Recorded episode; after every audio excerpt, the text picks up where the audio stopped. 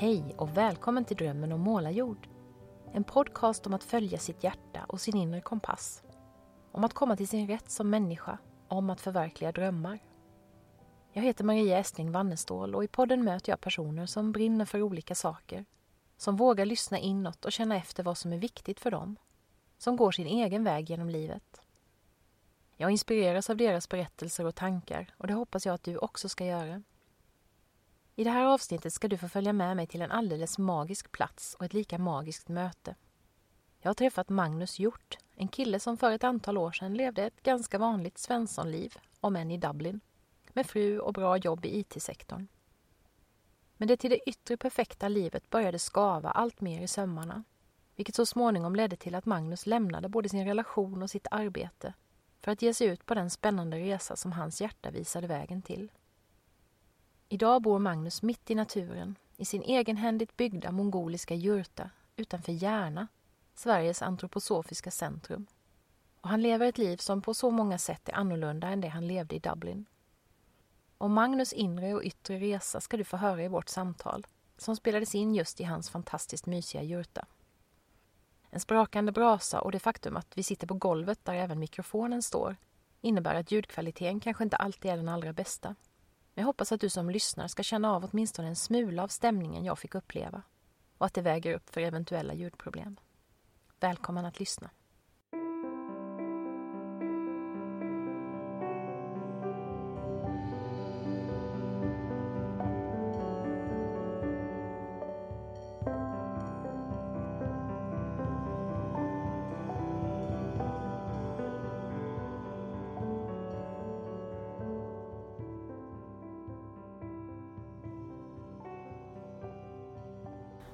Läste ju en artikel om dig Mm. som dök upp i mitt flöde på Facebook tror jag det var. Och så stod det Han följde sitt hjärta och flyttade till en hydda. Eller någonting sånt. Och så läste jag den där artikeln och så tänkte jag, nej men oj oj oj. Det här var ju en typisk drömmen om målarjord gäst.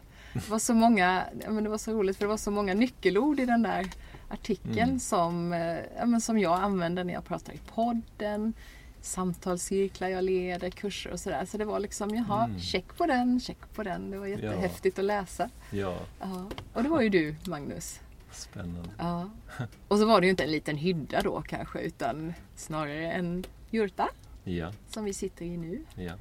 Och som är ett alldeles magiskt ställe. Jag tror aldrig jag har spelat in en podd på ett sånt fantastiskt välkomnande ställe som detta.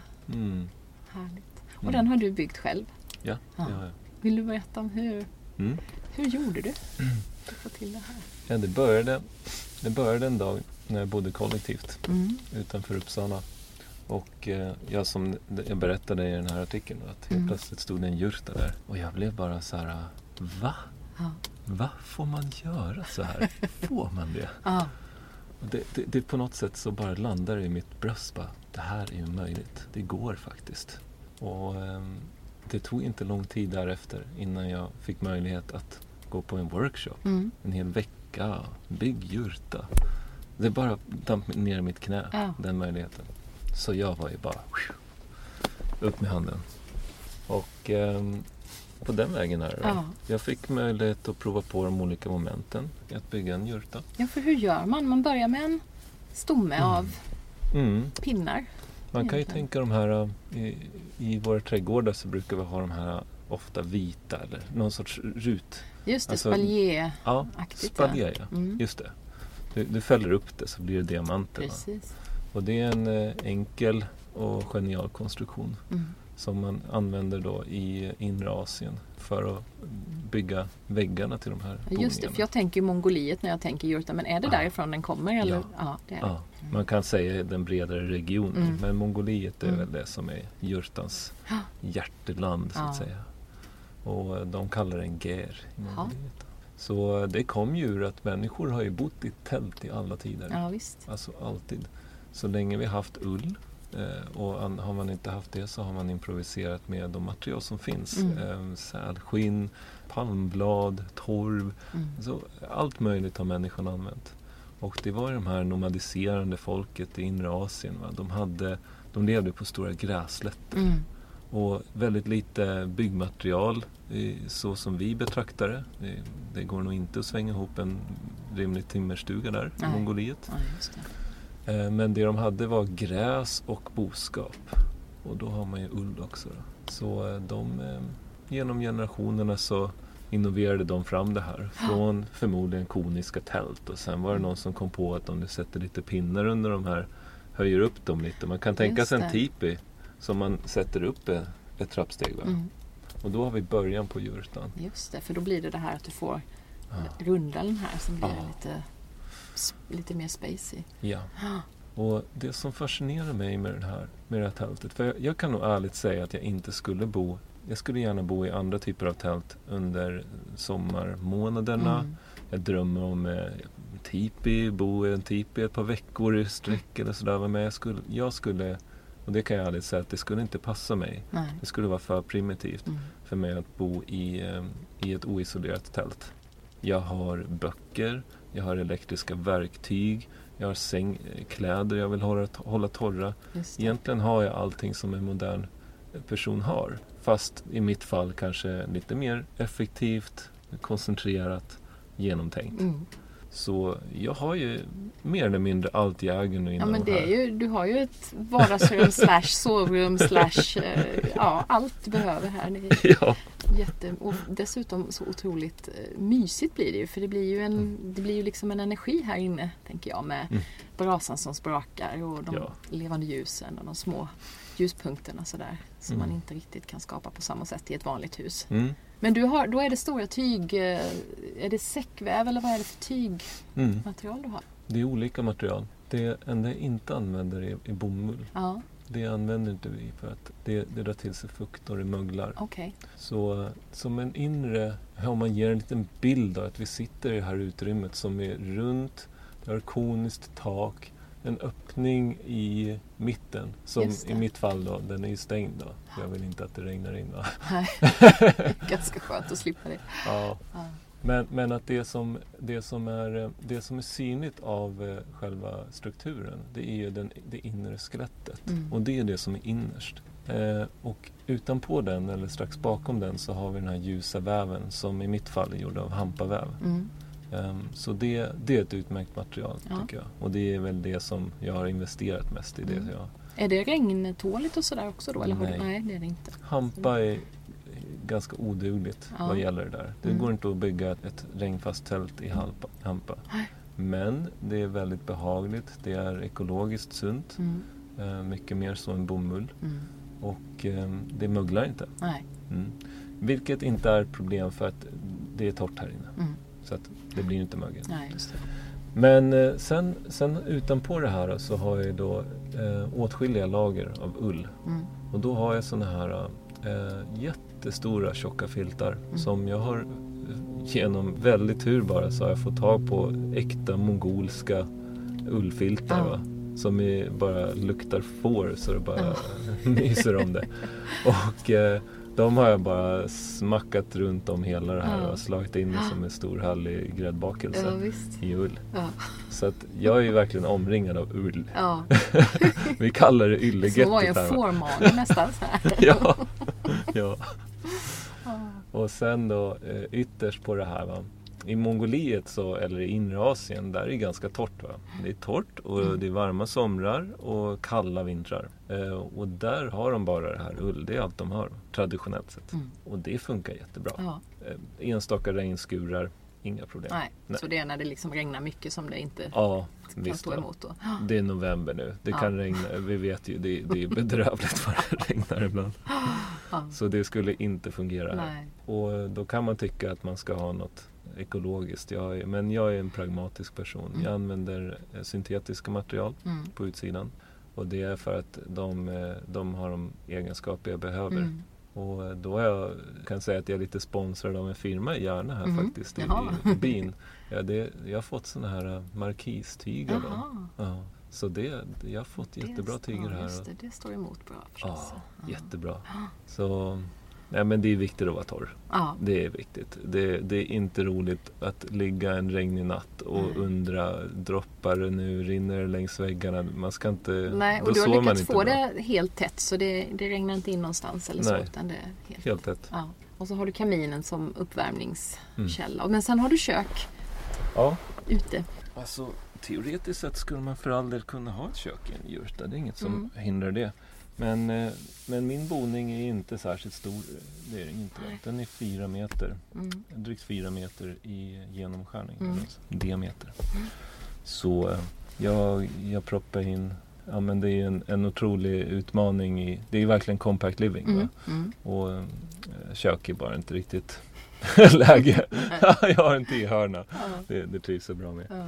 Nej, så, att, så, att, så som jag får resonera för att få det här att fungera det är ju att jag, jag framför allt under sommarhalvåret så är ju utomhusmiljön mm. mitt utökade levnadsutrymme. Ja, på ett väldigt konkret sätt. Och det betyder att när jag vaknar om morgonen och då sommartid då, det är inte det nu om vintern. När jag vaknar om sommaren då tar jag min renfäll, går och parkerar mig där ute, tar med mig termos och hela faderuttan mm. och så bara flyttar jag ut över mm. dagen. Mm och jobbar, läser, dricker te och, och varvar sådär. Va? Så utomhuset är ju en del av mitt vardagsrum. Det är ju en del av ditt, ja precis. Ja. Just det. Där är ju då, jag tror som modern person, det är också sådär, beror på vad man har för ingång. Va? Det är lätt att tro att bara för att jag är en person som tekniskt sett bor jag i skogen mm. eller i en skogsdunge i alla mm. fall. Mm. Um, då tänker man gärna så här, ja ah, men den här killen han, han eh, grillar bara, lagar all mat över öppen eld. Och, mm. Ja det tänker ju jag direkt då förstås. ja, ja, gärna med sånt han fångat i skogen med snaror och sådär. men det är, inte, det är inte verkligheten, det är kanske någon annan snubbe men, men jag är inte den, den killen. Utan eh, jag, jag gillar att ha det bekvämt och vackert. Mm. Mm. Eh, jag har gärna en stor härlig köksbänk så jag kan ja. torka min trasa. Ja. Va? Och så, så sätter jag fram min skärbräda och går loss där och lagar härlig mat. Och det, det är så jag mm. trivs. Ja. På så vis så ser jag mig själv som, jag är svensk. Mm. Svennebanan kanske ja. inte vore helt korrekt va? men, men jag, jag, är, jag är modern, jag är ja. ett barn av min tid också. jag är van vid de här bekvämligheterna. Men du får ändå stå, eller har du tak över huvudet så du, när mm. du lagar din mat? Det har du. Så att, ja, ja du behöver ja. inte regna på dig när du Nej. står där med skärbrädan. Nej, Nej jag, jag, hade hjälp av en fantastisk eh, god vän här. Han var hos mig hela förra vintern. Mm. Peter Tallberg. Mm. Och eh, en eh, underbar, kunnig och arbetsvillig finlandssvensk. Och eh, Nej, vi tills, tillsammans, jag hade nog aldrig fått till det där på egen hand faktiskt. Mm. Så fick vi upp en ganska rejäl stomme där. Mm. Och ehm, ja, men ett steg i taget sådär ja, så visst. kom det sakteligen upp eh, någon bänk och sen fick vi lite tegelpannor på det där taket och, mm. och så vidare. Nu har vi ett eh, väldigt bra och högfungerande utomhuskök. Ja. Men det är ju så, så fall jag får ofta frågan, men hur gör du på vintern? Ja. Och då är följdfrågan, ja vad gör du när, ja. på vintern när du är utomhus? Ja. Vantar, mössor. det är inte mycket konstigare än så. Nej. Men du känner aldrig så här, åh, nu ska jag ur den här varma sköna sängvärmen och gå upp och koka gröt eller så? Kan du känna liksom motstånd? Ja, jo men det, det gör jag ju. så här års när det inte är sådär ja. fågelkvitter, ljumma vindar morgon precis. ja. Ja, jag är riktigt sån här innemus. Om det regnar då, då ja. bara ligger jag inne liksom. Ja. Och håller, håller det varmt och gott. Och böcker, kollar på Netflix vad ja. jag önskar. Liksom. Jag, jag tar det lugnt när det är väder så. Då blir det inte så mycket mat lagad kanske då eller? Ja, jag kan någon gång om dagen kan jag nog ta mig ut. ja. Sen, sen, har du ju den här jurtan då i, på en gård som du hyr du en bit mark eller hur fungerar mm. det när man vill göra en sån här sak? Ja, jag kan ju bara tala om mitt fall. För att, för att det, det, finns verkligen inga generella... Nej. Det här är inte gjort? en generell regel, precis. Nej, jag, jag gjorde så att jag halkade in hit på ett bananskal helt mm. enkelt. Jag var här under, av någon annan anledning. För det är ju en ekoby mm. slash gård som ligger här, eller hur? Ja, mm. just det. Ehm, det är Charlottendals gård mm. och Peter Hageroth, min eh, Ja, jag kallar ju honom min patriark. Ja. han är min, han, han är min hövding liksom. Stamäldsten. Ja visst. Mm. Nej men det är ju det är Peter och hans familj och samfälligheten här mm. som jag har att tacka mm. för den oerhört vackra och lugna plats som jag lever på. Ah. Och eh, jag betalar en symbolisk summa mm. till eh, gemenskapen här. Det är väl, ska man väl se det perspektivet att jag hyr ju inte en befintlig bostad eller, eller ens en bit mark som i övrigt ger någon sorts ekonomisk Nej, avkastning. precis. Den skulle ändå stå här och inte användas ja. till något speciellt. Så ja. då kan du använda den istället. Ja. Det är väl jättebra. Ja. Mm. Men du får hämta, får du hämta vatten och använda el och så där uppe eller hur, hur löser du sådana mm. grejer? Uh, jag uh, jag hämtar både vatten och el från mm. gården. Så eh, tekniskt sett så jag är off-grid på så vis att jag inte har vatten och elektricitet draget in i min bostad ja, eller till den plats jag bebor. Men eh, eh, jag använder ju, jag hämtar vatten från gårdens brunn. Mm. Jag har inte något, tyvärr, det hade varit väldigt trevligt, men jag har inte något rinnande vatten här. Mm. Självklart har jag, finns planer på att samla regnvatten mm. och filtrera det och så vidare. Eh, elektricitet använder jag Mm. Ehm, jag har eh, min borrmaskin skulle vara svårt att leva utan. Mm. Jag har ehm, ja, självklart mobiltelefoni. Ja, det skulle inte jag klara mig utan. Den är ganska viktig för mig. Mm. Och sen har jag ju små sådana här uh, Ikea LED spotlights ja, i taket. Ja, det lite sånt också ja. ja. Just det. Och de är toppen alltså. och håller länge och ja. sådär. Ja, ja. Drar väldigt lite. Ja. ja. Så du har ju en, en alldeles fullt fungerande egentligen helt modern bostad här. Ja. Det är bara att den är lite ovanlig kanske. Ja. ja, men det, är jätte, det är så härligt att få komma till ett sånt här ställe för det utmanar lite grann ens vanliga föreställningar om hur, mm. hur vi ska bo. Så det är, mm, mm. Jag blir glad och inspirerad. Och, ja, det är jättehärligt. Mm. Men du då, Magnus? Vem är ja. du egentligen? Vem är du idag kan vi börja med. Fråga. Ja. ja. Eller hur ser du på dig själv idag? Mm, det där är en sån spännande fråga. Det är en, en fråga som kan besvaras på så många sätt. Mm? Vem, eh, vad är min historia? Vad eh, har jag för erfarenheter i mitt liv? Mm. Vad har jag för drömmar? Mm. Hur ser jag på mig själv? Vem mm. är jag? Vad är min plats här? Mm. Så eh, det är, det är en, en mångfald. Um, man kan väl säga bara så här rent kort och biografiskt så är jag född in i en eh, familj i Uppsala. Mor och far, båda lärare, växte upp där i en liten, ja man kan inte riktigt säga bysamhälle, men en liten, en liten ort. Mm. Så där gick jag och gick i skolan och drömde och tänkte så som man gör. Mm. Men det var en ganska vanlig uppväxt. Det var inga, ja. inga gröna vågare som hade flyttat ut sådär? Nej, Nej, Nej. inte alls. Um, jag fick med mig mycket, en hel del mm. genom min fars intresse för naturen. Mm. Stort intresse för fåglar och namngav alltid allting och ja. sådär. Så han, han, tog på sig den rollen, ja, min far. Och eh, jag hade också väldigt tur på så vis att vi, en stor välsignelse i min barndom var att jag hade tillgång till platser utanför staden. Mm. Så varje sommar och vinter så var jag ute i skärgård eller i det var i Jämtland också. Mm. Fick erfara lite strängare vintrar och ja, skidor och, och, sådär. Och grundlade en sån där naturkärlek mm. då kanske? Mm. mm.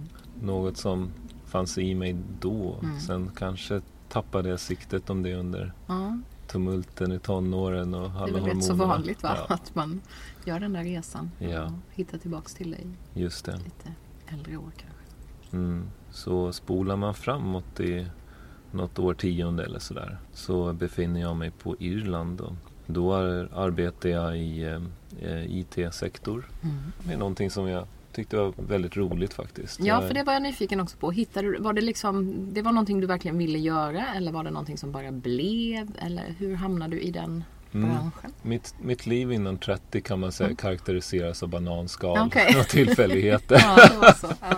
Jag ville gärna veta vad jag gjorde. Mm. Ehm, det, var, det, är en, det, är en, stark drivkraft som finns i mig. Jag är mm. en klassisk stenbockskaraktär på mm. så vis. Att vi, vi drivs av, vi är de här framtidsvisionärerna mm. och eh, vill gärna ha koll på läget. Så, men jag hade inte koll på läget Nej. och det var, det var min stora ständigt pågående under ytan kris eller utmaning under mm. mina tjugisar. Mm. Så att säga. Och eh, det gjorde att jag Ja, men jag, jag styrdes nog mer egentligen av, av mina känslor egentligen. Mm. Eh, ganska styrd av månen. Och eh, eh, det gjorde att jag, eh, jag gled med. Det var Mm. väl rätt mycket min strategi under min, Mm. mina unga vuxenår. Jag gled med och med en säljande personlighet och bara en positiv outlook på saker och ting så gick ju det rätt bra. Liksom. Mm. Det, jag hamnade på rätt bra platser och hade goda vänner och, och sådär va. Hur hamnade du på Irland? Ja, det var, också det var genom eh, en kärleksrelation Ja, ja, ja. och den, den höll i sig länge. Mm. Eh, Vi gifte oss till sist. Så det, det var ett eh, stort kapitel i mitt liv. Vistelsen på Irland, arbete inom IT och vad som kom att bli äktenskap också. Eh, nu, nu blev det där äktenskapet när vi väl gift sig så det blev ganska kortlivat. Vi Ja. var väl ihop flera år innan dess. Men det, det sammanföll egentligen med att alla de här underliggande rörelserna som pågått under mitt medvetna, vad kan man säga, bortom räckhåll för min, min tanke så Ja. hade det pågått, pågått saker. Och eh, det började liksom det började komma upp till ytan ordentligt och, Mm. och kräva min närvaro och eh, kräva handling och val av Ja. mig. Så eh, det är den här klassiska eh, 27-årstiden Det liksom. är då ja. Det är Ja. där min dotter är nu. Hon är, har lite så för 30-årskris. säger hon. Mm. Ja, jag vet ju inte. Jag tycker hon vill så mycket men, ja, jag vet ju inte. Jag kan ju aldrig bestämma mig. Ja, ge det några år så. Ja, jag tror jag sa det också. Embrace uncertainty brukar jag säga till henne. För det tycker jag är ett bra uttryck. Det här att Precis. omfamna osäkerheten. Du måste inte, du måste inte ha Ja, planerat allt och du måste inte Nej. veta allt. Det Nej. kan komma som det kommer. nej, Eller? absolut. Ja. Mm. Men hur yttrade det sig då? Blev det liksom som en, kände du som att, alltså var det som en depression eller var det bara malande, grubblande tankar eller hur? I mitt fall så hade jag varit lagd åt det hållet hade jag säkert blivit deprimerad. Mm. Men, men jag... Det var rätt så glad skit så det. Precis. jag, var, jag var allvarsam kan Ja, man väl säga. ja. Det, det, det, det var jag verkligen. Ja, Så det var mycket grubblande i mig. ja, Mycket grubbel. Och, och så som man är när man försöker komma till rätta med någonting som man verkligen inte förstår. nej. Man har inte korten på bordet. Man har inte den information man behöver. Och eh, vad gör man då? Mm. Ja, man, man, man vrider och vänder och blir egentligen, kan bli ganska olycklig Mm. i det arbetet. Ja. Och en känsla av att någonting som jag inte begriper vad. Mm. Jag kan inte sätta fingret på vad det är men någonting är fel. Mm. Det, det är väl en, en, en känsla människor som vi kommer till Mm. ofta någon gång i våra liv. Det Ja. vore väl tragiskt annars om Ja. vi går från eh, vagga till grav och hela tiden har koll på läget. Mm. Eh, Jag väntar mig väl att det händer säkert någon gång Mm, till. Ja. Ja, men Men- det, det brukar ju vara så också när, när man liksom har fått ordning på någonting då så börjar det skava lite grann någon annanstans tycker Ja. jag min erfarenhet. Att, ja, men då är man liksom Oh, redo att ta itu med en annan del av sitt liv på något sätt. Det är ganska det. spännande det där och det blir ju ja, men just det där kris och utveckling och sen en ny kris och ny utveckling och Ja. sen en till och så. Ja. Men det är nog så vi ofta fungerar. Ja, Sen kan man behöva de där perioderna av liksom, lugn och förnöjsamhet däremellan. Annars Ja. skulle man väl inte orka. Men ja gud ja. lite så tror jag att vi behöver Mm. krisa emellanåt för att Oh, ja. hitta rätt på något sätt. Jag håller helt med. Ja. Och kris är en möjlighet. Det är det. Det är en inbjudan till förändring. Nu, nu kommer en inbjudan. Nu Mm. har jag möjlighet att Just verkligen det. göra någonting som, Precis. som gör skillnad för resten Om av du ditt vågar liv. lyssna. För det är väl det. Som man inte alltid gör då kanske. Utan man Just det. ja, försöker döva det. det med någonting annat. Mm. Men det gjorde inte du. Du lyssnade. Det var ju det som Mm. mitt val handlade om. Ja. Det var på ena sidan så, så kan jag acceptera det här livet. Och det, det, det är på något sätt en...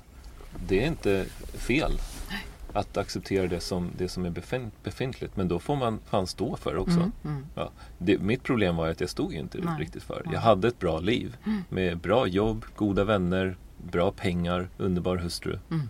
Men jag kände att det, var, det, det här är för någon annan snubbe Ja, att leva det ja, här livet. det. Är inte för mig. Ehm, och så hade jag å andra sidan så hade jag ett alternativ som jag inte visste någonting om. Nej. Jag visste ingenting om Ja, hade jag sett det här, va, herregud, då hade det ju varit enkelt. Ja, just det. Där är det. Det är bara att fixa den där Ja. jurtan. nu. Vilken jurta flytta in. Va? Ja, det Men skulle vridas och vändas ett par varv innan du oj, hamnade här. Ja. Sju år. Ja. Sju år. Mm. Så, nej men så det, det, livet funkar inte så. Utan man, man står ju där mellan det som jag känner till ja. och som, som då i mitt fall som jag kände bara så här, det här stämmer inte. Det är inte, det är inte jag är inte på rätt plats nej. här. Eller någonting helt annat som jag inte vet någonting om. Finns ingen trygghet eller säkerhet. Va? Men, men det som var min kompass i det här hela, det var ju mitt hjärta. Mm. Och det, det, är inte någonting att hymla med. Nej. Alltså det är inte någonting att fnysa åt. Vi, vi har de här uttrycken, mm. att följa sitt mm. hjärta, mm. gör som hjärtat säger. Um, och vi har de uttrycken av en anledning. Visst. Det är ackumulerad mm. livskunskap mm. som det rör sig om. Ja. Och det handlar om att skapa kontakt. Om kontakten inte är stark nog, då får vi börja där. Och det var där jag fick börja. Ja. Att jag hade inte tillräckligt stark kontakt med mitt hjärta. Jag tror mitt, mitt uppvaknande, det var när jag, när jag insåg en dag att jag hade slutat drömma. Mm, och då var jag så, men ja. gud, jag, jag, jag brukade inte drömma. Jag drömde om framtiden, jag drömde om livet. Ja. Och jag insåg att bara, nej, jag har inga drömmar längre. Bara stannat upp. Och då gick det som en kall kår genom ja. mig. Va? Men det, det, är väl spännande det där när man kan identifiera en sån eh, någon slags liten milstolpe. Det var mm. som jag kommer ihåg när jag sa upp mig för min, eh, jag hade jobbat som lektor i ett antal år och liksom, sen en dag började jag börja tänka på guldklocka. Och då fick jag också det där kalla kårar. Fortsätter jag här nu så kommer jag få guldklocka om tio år. Wow. Jag vill inte, jag kan inte. Oh. Jag måste göra någonting annat. Yeah. Så det är också en sån där liksom. Ja. Oh. Där var det något. Mm. Oj, oj. Ja. Och det som kommer därefter. Ja. Det är sån resa. Ja, ja, det är ju magiskt. Ja, eller hur? Oj, oj. Du har inte sett, har du sett den här filmen jag såg för några veckor sedan? Uh, UR har gjort en fantastisk film mm. som handlar om intuition. Och som, ja, den är, se den om du har möjlighet för den är så fin. Den är jätte, jättevacker och pratar just om det där liksom att få kontakt med den där livsvisdomen och det som, som finns här innanför men som vi är dåliga på att lyssna på. Så, mm. Mm, den kan jag rekommendera. Alla lyssnar ju också. Mm. Jag ska ja. lägga en länk till den. Ja, länk. ja. Namnet. Precis. Jag tror den heter, Intu heter den bara Intuition. Ja, jag ska kolla upp det. Ja, det ja. ja, men då, ja, vad hände då? Du sa upp dig och du mm. skilde dig och mm. sålde bostad och mm. allt på en gång. Allt. Ja. det var liksom inte bara sådär börja dra i några tåtar utan det var vända upp och ner på hela steken. Ja, det, det blev så. Ja. Det var inte planerat såklart. Jag hade, jag hade nog, jag tror att som de flesta människor så, så hade jag någon sorts plan. Jag mm. hade, det började formuleras en exit plan så att mm. säga. Mm utrymningsväg. Mm. Och för mig så, för jag hade ju, jag hade ju bra arbete och bra betalt. Jag insåg mm. där och då att jag skulle förmodligen aldrig ha lika höga månadsinkomster igen. Nej. Så det var ju så här, jag, jag, ville, jag ville bort och jag ville ut från det här. Mm. Men jag insåg att jag hade ju även en möjlighet i mitt befintliga, min befintliga plats. Mm. Så ehm, ja, till att börja med, min, min relation gick ur och den, den kraschade. Mm. Eh, jag försökte vara kvar i arbete. Ehm, min plan var att arbeta ett år, spara pengar och flytta mm. ut på landet. Mm. Och eh, det höll ungefär två, två och en halv månad. Ah. Sen fick jag bara total, alltså jag, jag kunde inte stå på mina Nej. knän. Jag blev sjukskriven mm. och det bara, det bara kraschade. Mm. Jag kunde inte längre. Och det där har jag sedan dess, så det, det, har ju hänt nu bara med en väldigt god vän som, som har gått igenom det på sistone och en annan väldigt nära eh, kär person till mig mm. som håller på. Och det, det går, kraschen går for, ofta mm. snabbare än vad vi tror. Mm. När beslutet väl är taget inom oss mm. vi har, och vi vet med säkerhet att jag kan inte leva så här. Nej. Då går det fortare än vi tror. Så eh, jag, jag blev också offer för den här godtroheten det, jag underskattade mm. Och jag var tvungen att, att lämna mitt arbete. Mm. Så eh, jag flyttade ut. Jag bodde i Dublin på den tiden. Och så flyttade jag västerut. Mm. Och det är lite som att flytta upp norrut ja. hos oss då. Men ut på landet då? Ja. ja. Och eh, ja, det blev början på en, en eh, väldigt positiv och transformativ fas. Jag tänkte väl att jag skulle vila upp mig ett par månader och ta nya friska tag men det mm. tog nog ett år senare så, så konstaterade jag att jag fortfarande hade en hel del mm. återhämtande att göra. Mm. Det, det, är inte någonting man ser riktigt när man är inne i det där om vi kallar det ekorrhjul eller vad vi nu menar med ett sånt mm. begrepp. Men när man lever den här modellen, mm. den här bilden av att vi har en heltidssysselsättning jobbar eh, på kontor kanske eller i, inomhus i byggnader. Eh, spenderar större delen av våra dagar där, har några enskilda helgdagar, semesterdagar som vi kan sprida ut lite på året. Mm. När det är vår verklighet så, så fungerar det på något sätt.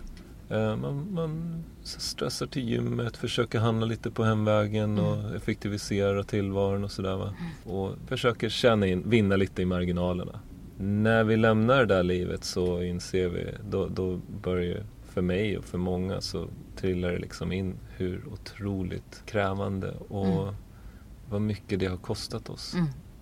Och hur vår hela organismen, alltså hela kroppen, nervsystemet, psyket har levt egentligen under en miljö som är väldigt krävande mm. och väldigt hård. Så det, det, krävs ofta en tid av rehabilitering på något sätt.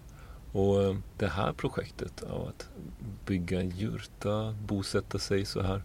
Det är egentligen en del av mitt fortsatta rehabiliteringsarbete. Ja, just det. Det är en sorts mm. terapi i det. Att mm. få jobba med kroppen och ja. bygga ja. någonting eget och skapa. Och, ja. Ja. Men Irland, du tänkte aldrig att du skulle stanna kvar där? Du ville vidare någonstans sen? Eller hur, hur kom det sig att du inte blev kvar på Irland? Det, det var väl en, någon sorts eh, Nej, det, det, var inte självklart Nej. att jag skulle vidare. Eh, jag var väldigt rotad där och eh, det var... Ja, men det, det stod mellan stanna kvar eller gå vidare. Och eh, jag hade, kände väldigt starkt för Irland. Mm. Det, som, det som kom att avgöra den där frågan och det var i mig. Det var ju då efter den här tiden, efter att jag hade lämnat stan och arbete. Jag hade ytterligare två år efter det som jag levde på Irland. Nära på i alla fall. Och eh, det här frågan där, ska, är det här min plats att leva? Ska jag bilda familj här? Mm. Det var en, en riktig primär fråga för mm. mig. Mm. Så det som avgjorde det, det var när jag började resa omkring och se mig om mer. Mm. Och eh, då insåg jag två saker. Dels vidden av den landskapets förstörelse mm. som råder på Irland. Mm. Och då, eh, då är det från med skandinaviska ögon att se, nu är vårt landskap ganska härjat. Mm. Det är inte vad det varit tidigare, det gamla jordbrukslandskapet. Det, det är utplånat egentligen ja. och ersatt av monokultur. Men på Irland har den här eh, koloniala processen pågått under längre tid. Den har varit mer brutal och eh, nu har EU tagit, EU har tagit över tyglarna ja. och till råga på allt så har vi en politisk kultur efter den så kallade självständigheten. Så har egentligen Irland styrts av ett gäng irländska måhända men fortfarande brottslingar egentligen. Ja. Banditer. Vi kan se, se dem som någon sorts organiserad brottslighet mm. på riksdagsnivå. Mm. Så den här politiska eh, korruptionen och den naturliga förstörelsen den, den skapade sån sorg i mig. Ja. Och jag kom att inse det att jag, jag kan inte leva här. Nej. Jag kan inte det. Jag, när skogarna är i storleken av fotbollsplaner och överallt är stängsel. Ja. Det är inte... Ingenting naturligt. Nej. Nej. Det är vackert att se på. Men eh, om, man, om, man har, eh, om man har ögon för, som förstår vad ett landskap egentligen är. Ja, då, då blir man väldigt ledsen av de här de här perfekta golfbanorna. Ja, ja, visst. Och vi svenskar har väl en ganska romantisk bild av Irland ofta med de här mm. böljande kullarna och fåren och, och allt det där. Oh, Men det, ja, nu var det länge, väldigt länge sedan jag var där. Det är nästan 20 år sedan. Men eh, mm. det är mycket som är annorlunda då. Ja, det får en att uppskatta det vi har här. Mm. Och eh, det är mycket som man kan titta på med Sverige som man kan anmärka på eller känna sig missnöjd över. Och, och det, det är någonting, ja, det, det har jag gjort mycket. Mm, mm. Men samtidigt får man ju vända på det och, och, se, sätta det i ett perspektiv av kanske den verklighet vi lever i idag. Mm. Um, om vi kan titta bara på i Europa, våra grannländer, och ner till Belgien mm. eller Holland och mm. ser hur kör omkring där med en bil i några mm. timmar. Det är, jag vill inte säga någonting dåligt om det, dessa människor eller deras hem men i mina ögon så är det mm. väldigt tragiskt det som finns här.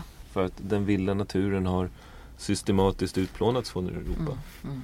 Och eh, vi har för all del inte så mycket vild ursprunglig natur kvar i vårt land heller. Men eh, det växer träd här i alla fall. Mm, och det går bra att ta sig en promenix i skogen mm, utan att någon tycker att kommer och har åsikter eller sätter upp skyltar och staket. Ja, just det. Ja. ja, så du återvände till Sverige då Mm. Hur var det att komma tillbaks hit då efter så många år? Ja, jag, jag hade inte så mycket, jag hade inga nätverk kvar Nej. egentligen. Eh, jag, jag levde med min familj då. Mm. Och det var efter en lång resa också. Jag mm. reste i Indien. Du var i Indien däremellan ja. Mm. Just det. det var en del av min process. Ja.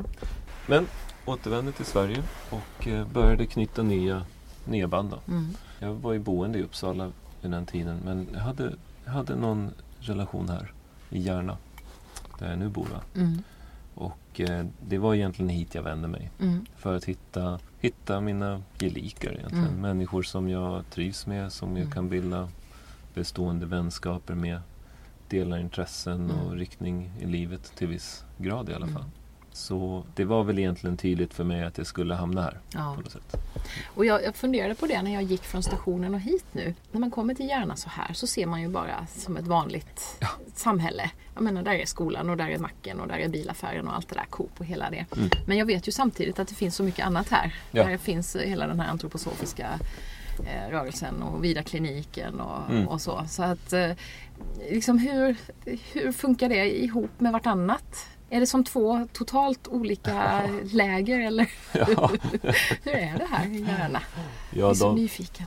De som är uppvuxna här de har ju lite annat perspektiv. De ja. brukar, de, det, det, det skämtas ju om, om en motsättning. Ja. Men den finns inte Nej. egentligen. Jag skulle inte säga att den är lika reell som andra motsättningar Nej. i samhället. Eh, det som är, eller det som finns är ett kulturellt arv. Mm.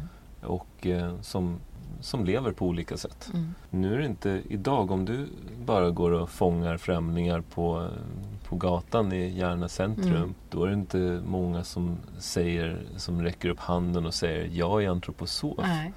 Eh, utan det, det, handlar snarare om att det, antroposofin har kommit hit under flera generationer. Mm. Och Järna har, har under en tid varit en sorts lysande juvel mm. för en viss typ av eh, perspektiv, synsätt på världen. Mm. Framförallt är den så kallad, vad vi kan kalla holistisk mm. bild på människan. Och om vi skulle uttrycka nyckeltesen i antroposofisk världssyn, eh, om, om jag får uttala mig om det, mm. så är det ju synen på människan som en i grunden besjälad varelse. Ja. Det finns någonting bortom vår kropp, mm. vår eh, psykiska identitet, våra tankar. Ja. Och att det finns själsliga krafter mm. som är verksamma i människan. Mm. Så det är väl den, den så att säga, andliga grunden. Mm. Ja, just det. Och att vi hänger ihop med allt som, ja. som finns omkring oss. Ja. ja. Och det tänker jag, jag, jag och min dotter översatte en bok här för ett tag sedan om eh, ja, eh, nordamerikanska stamsätt mm. att leva i bygemenskaper och, och lite sådär. Och det, jag känner ju igen mycket av det där just närheten till naturen, att vi är en del av den, att vi bor på ett sätt där vi liksom kommer samman och hjälper varandra. Och, så det finns mm. paralleller till många sådana, tänker jag.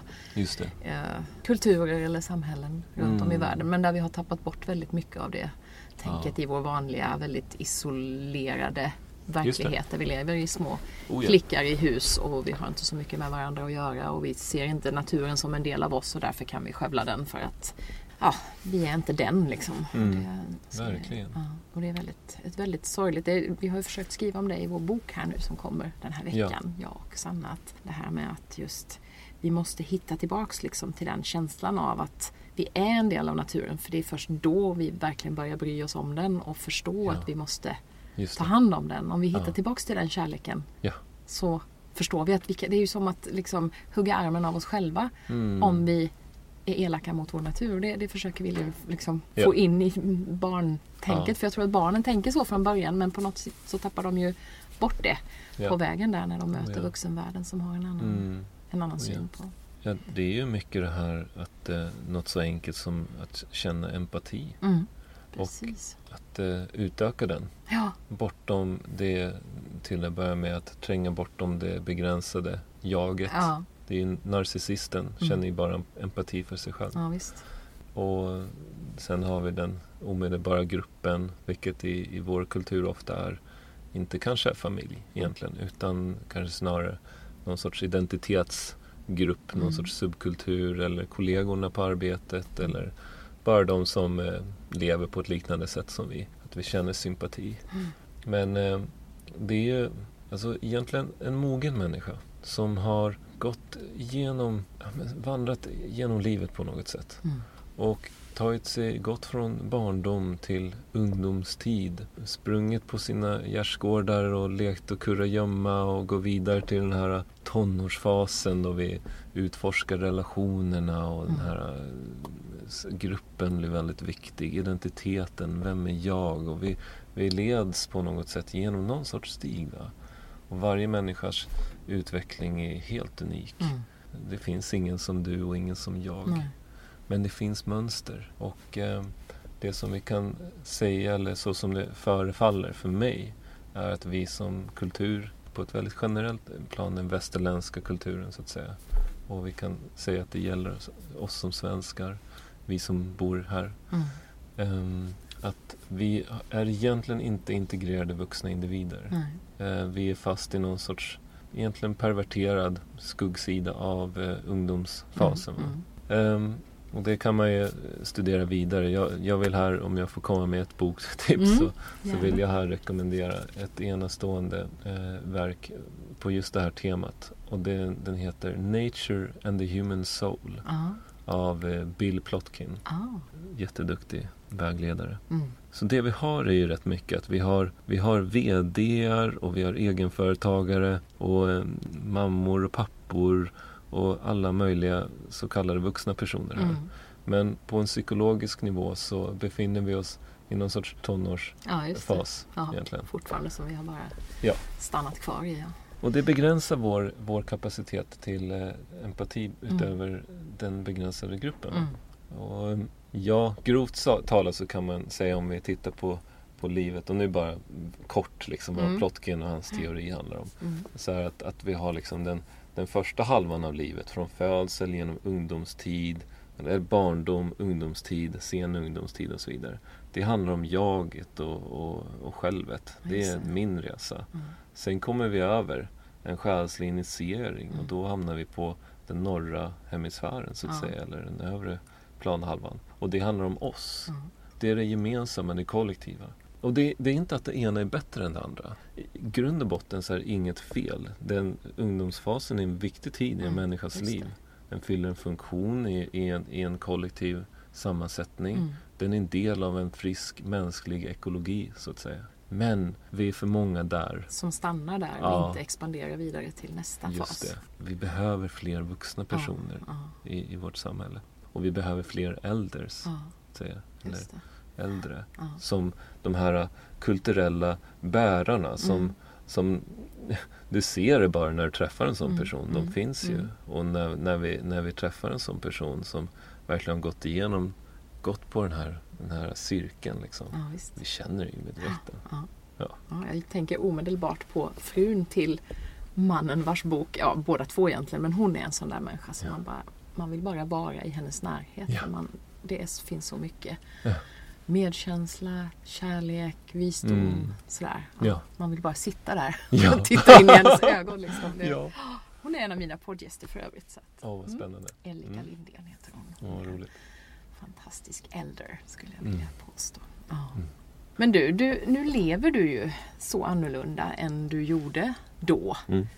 Och jag tänker du har ju förändrat, alltså du har ju förändrats inuti på många sätt såklart när mm. du har gått igenom det här. Mm. Men, och du har ju också förändrat, ditt sätt att leva idag är ju ett sätt som är mycket närmre mm. naturen. Det är ett sätt där du har eh, alltså minskat din klimatpåverkan. Mm. Det finns så många sätt som du har liksom, mm. det har förändrats. Ja. Jag menar här, du gör nästan inte av med någonting. Du, du måste ju sätta extremt små fotavtryck jämfört med genomsnittssvensken. Mm. Det, så är det nog. Mitt största avtryck är nog mat skulle jag tro. Ja. Ja. Ehm, jag odlar inte ännu.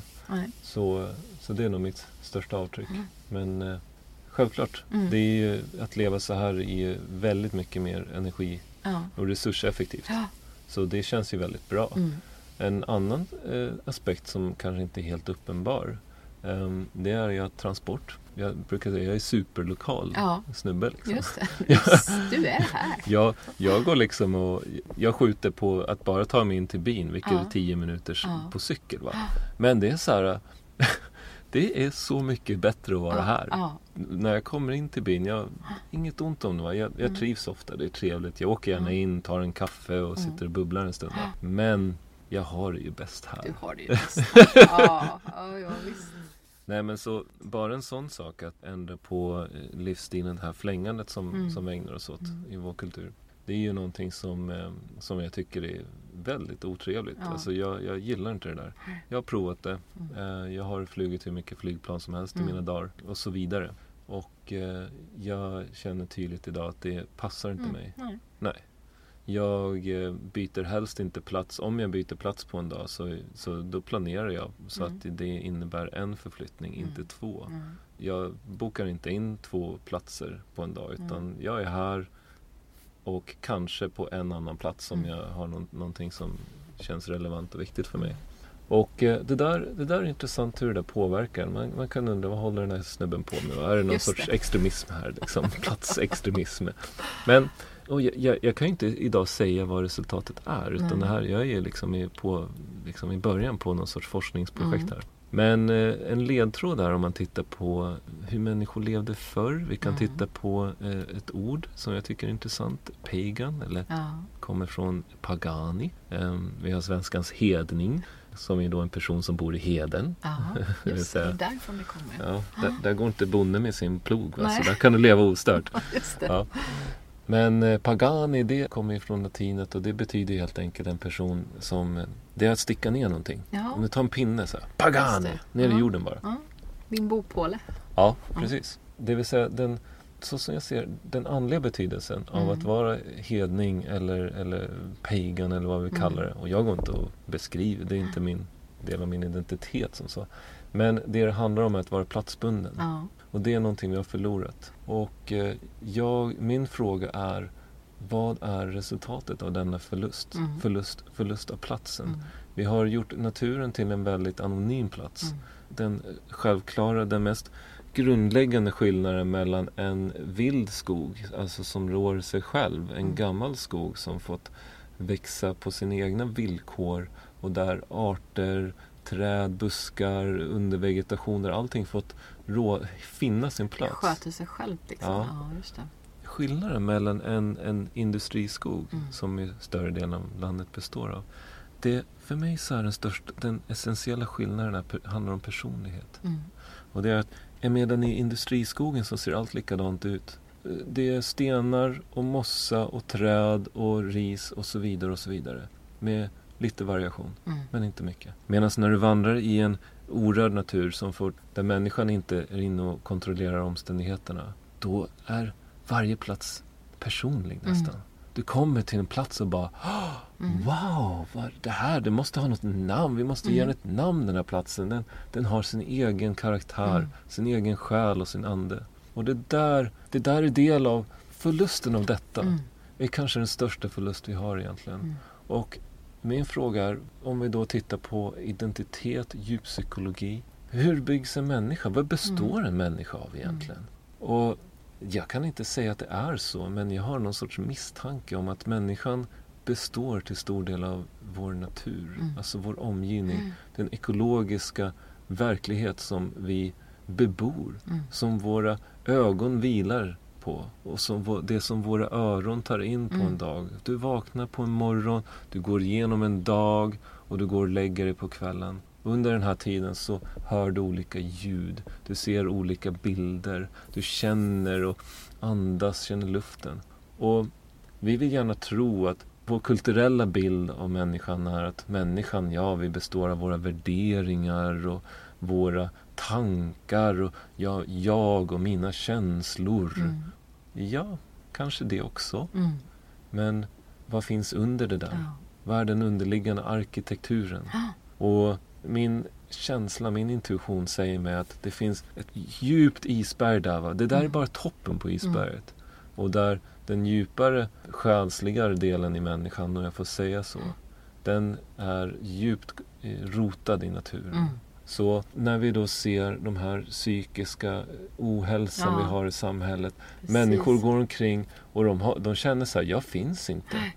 Jag är inte värd någonting. det är någonting tomt, ja. någonting som saknas. Just det, vi har tappat den kontakten och den närheten. Ja. Och ja. Känslan av att vara en del av oh ja. helheten. Ja. Oh ja. Mm. Och där kan vi självklart vi kan titta på familjestrukturer, vi kan titta på brist eh, på okompetent föräldraskap, mm. övergivenhetskomplex som alla barn idag lever med. Att mm. vi blir övergivna av våra föräldrar mm. genom barn, den så kallade barnomsorgen. Mm. Och så vidare och så vidare.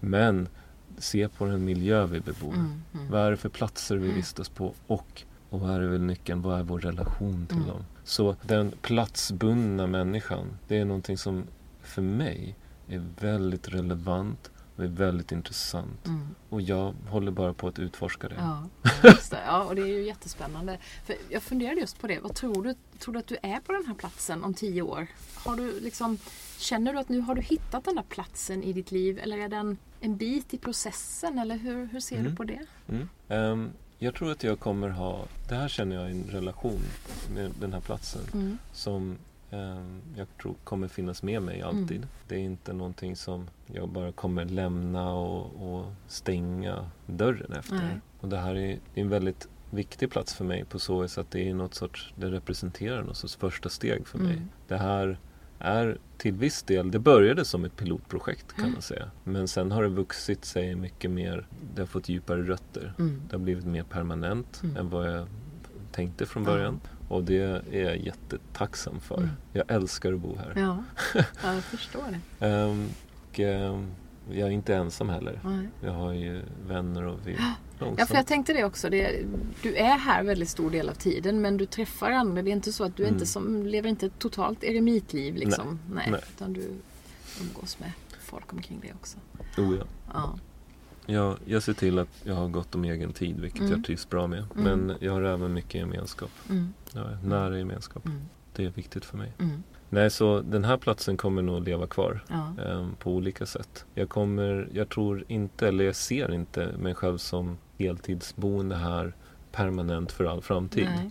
Det är egentligen ganska uteslutet för mig. Och det kommer ur, ur mina drömmar. Mm. Och det handlar ju om att det här med Jurta är inte helt en tillfällighet eller under den här processen. Det har ju varit under flera år som jag har skapat det här. Mm.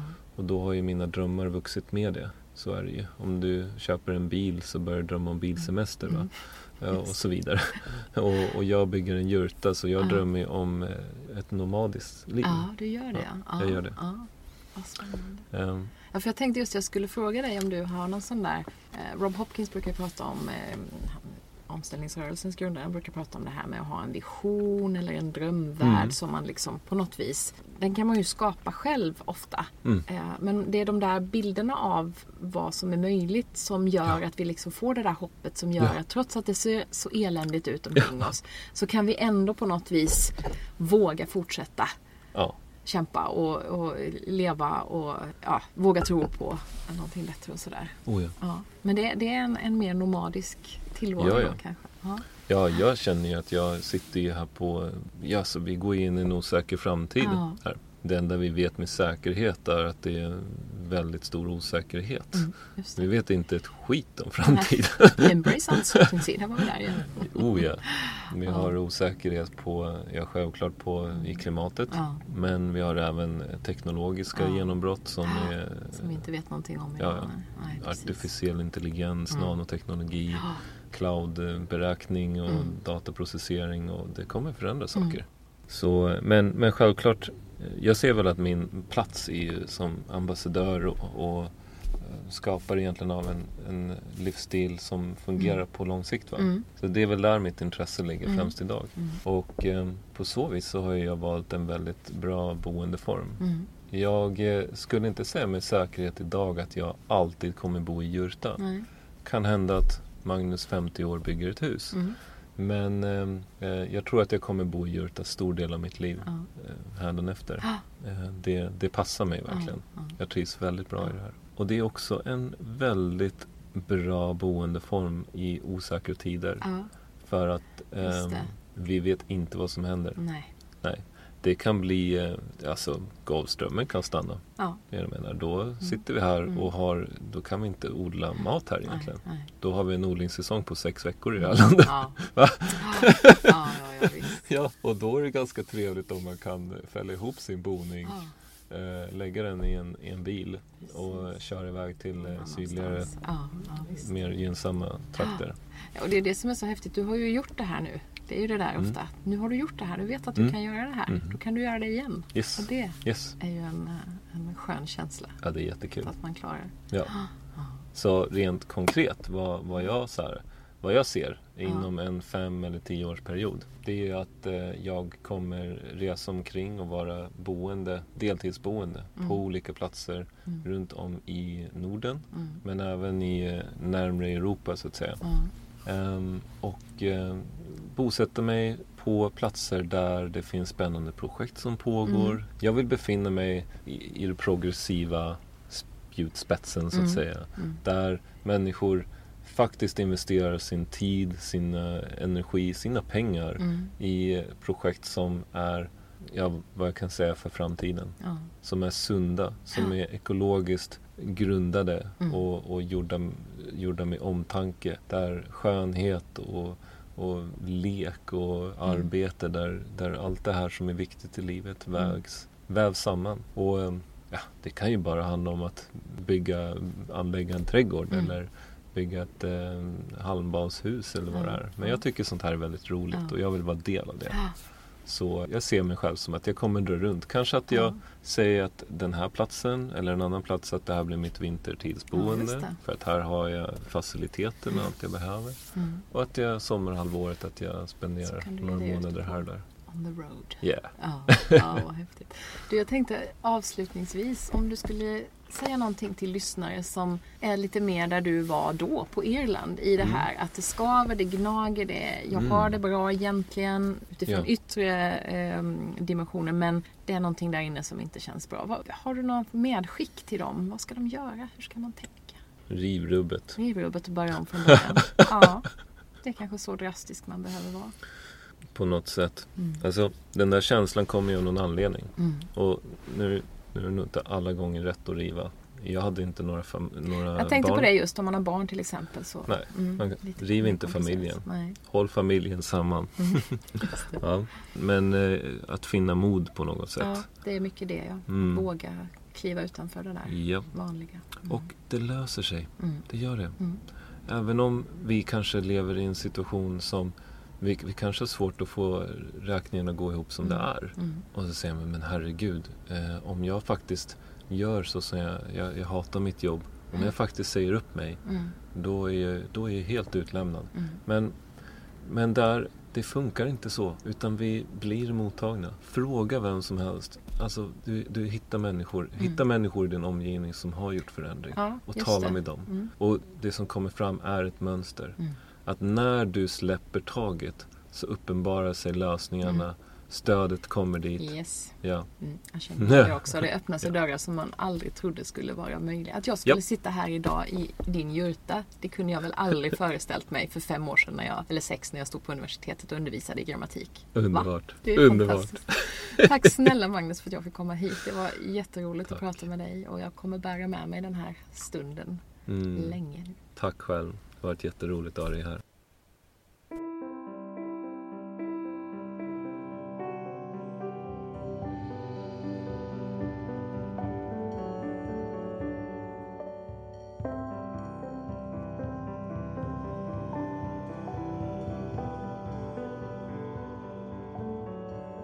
Ja, visst är det en riktigt häftig resa han har gjort, Magnus. Precis som mitt förra poddsamtal med Martin Hedberg så lämpligt kom ut strax efter det att jag bland annat genom ett blogginlägg gett mig in i flygdebatten och avgett ett nyårslöfte om att stanna på marken framöver. Så passar det här samtalet med Magnus väl med ett blogginlägg från förra veckan. Där skrev jag om sambandet mellan livskvalitet och omställning till ett mer hållbart leverne. Magnus upplever ju att han har ett väldigt bra liv trots att han har ställt om och minskat sitt ekologiska fotavtryck radikalt. Själv lever jag fortfarande på många sätt ett svenssonliv. Väldigt annorlunda det som Magnus lever. Men vår familj har också ställt om ganska ordentligt. Förutom genom att inte flyga, exempelvis också genom att ha gått från två bilar som drivs på fossila bränslen till en enda elbil, genom att byta till miljömärkt el här hemma och genom att handla allt mer klimatsmart, kravodlat second hand och så vidare. Vi har också börjat sträva efter att producera mer av vår egen mat. Planen är att utöka odlingsytorna en bit för varje år och att i sommar skaffa egna hönor. Och trots att det kanske kan upplevas som att vi får göra uppoffringar för att leva på det här sättet. Min dotters kompisars reaktioner på vårt flygstopp var till exempel Åh stackars dig. Så tycker vi själva inte att det är så, utan upplever att vi har ett väldigt bra liv. Jag tror faktiskt aldrig att jag har haft det så bra som jag har det idag. Jag jobbar med saker som känns roliga och meningsfulla, även om jag skulle ha tjänat dubbelt så mycket pengar om jag stannat kvar i universitetsvärlden. Jag har många fina sociala sammanhang omkring mig och jag känner aldrig någon längtan efter shoppande eller resor till andra sidan jordklotet. Jag har ju skapat en vardag som ger mig allt vad jag behöver. Tänk att kunna ställa om till mer hållbarhet och så får man liksom en bättre livskvalitet på köpet. Visst är det en schysst kombo? Det här har vi pratat om i flera tidigare poddsamtal. Exempelvis i avsnitten med Fredrik Warberg, nummer 28 och Amanda Martling, nummer 40. Och även i det förra avsnittet med Martin Hedberg. Som jag nämnde har jag gett mig in i flygdebatten den sista tiden och haft väldigt intressanta diskussioner med såväl andra flygstoppare som de som inte riktigt är på samma linje som jag. Jag har bland annat ställt mig och andra frågan om vad det är som får så många av oss att bara fortsätta som vi alltid har gjort. Flyga mer och längre, shoppa som galningar, äta massor av kött. Trots att vi är medvetna om att klimatutmaningarna bara blir större för varje år som går. Det där som Magnus pratar om i vårt samtal, att en stor del av mänskligheten liksom har fastnat i någon slags narcissistisk tonårsfas, tycker jag är väldigt intressant. Och jag hoppas att genom mina poddsamtal och blogginlägg kunna få åtminstone några fler att fundera lite mer över sina livsval. Och kanske komma en liten bit på vägen från den där känslan av förnekelse. Eller om det handlar om uppgivenhet, att man inte tror att det spelar någon roll vad man gör eftersom det ändå går åt skogen. Det här med att det faktiskt spelar roll vad vi individer gör är temat i två av mina senaste projekt. Dels den tredje barnboken om Lovis ansjovis som jag skrivit tillsammans med min dotter Sanna. Dels i boken Active Hope som hon och jag just den här veckan har skickat in en provöversättning av till ett antal svenska förlag. Nu håller vi tummarna för att något förlag nappar. För det är en sån himla bra och viktig bok som hjälper oss att gå från klimatångest till aktivt hopp och känslan av att vi alla faktiskt kan bidra till att skapa den värld vi vill leva i. Jag lägger upp en länk till den fantastiska filmen om intuition från UR som jag nämnde i mitt samtal med Magnus och hoppas att du kommer tillbaka till drömmen om målarjord i nästa avsnitt. Då ska du få möta mannen bakom superklassiker som Älgarna demonstrerar, James Hollingworth, och höra honom berätta om hur han har följt sitt hjärta. Tack för att du har lyssnat idag och välkommen tillbaka om några veckor. Hej då!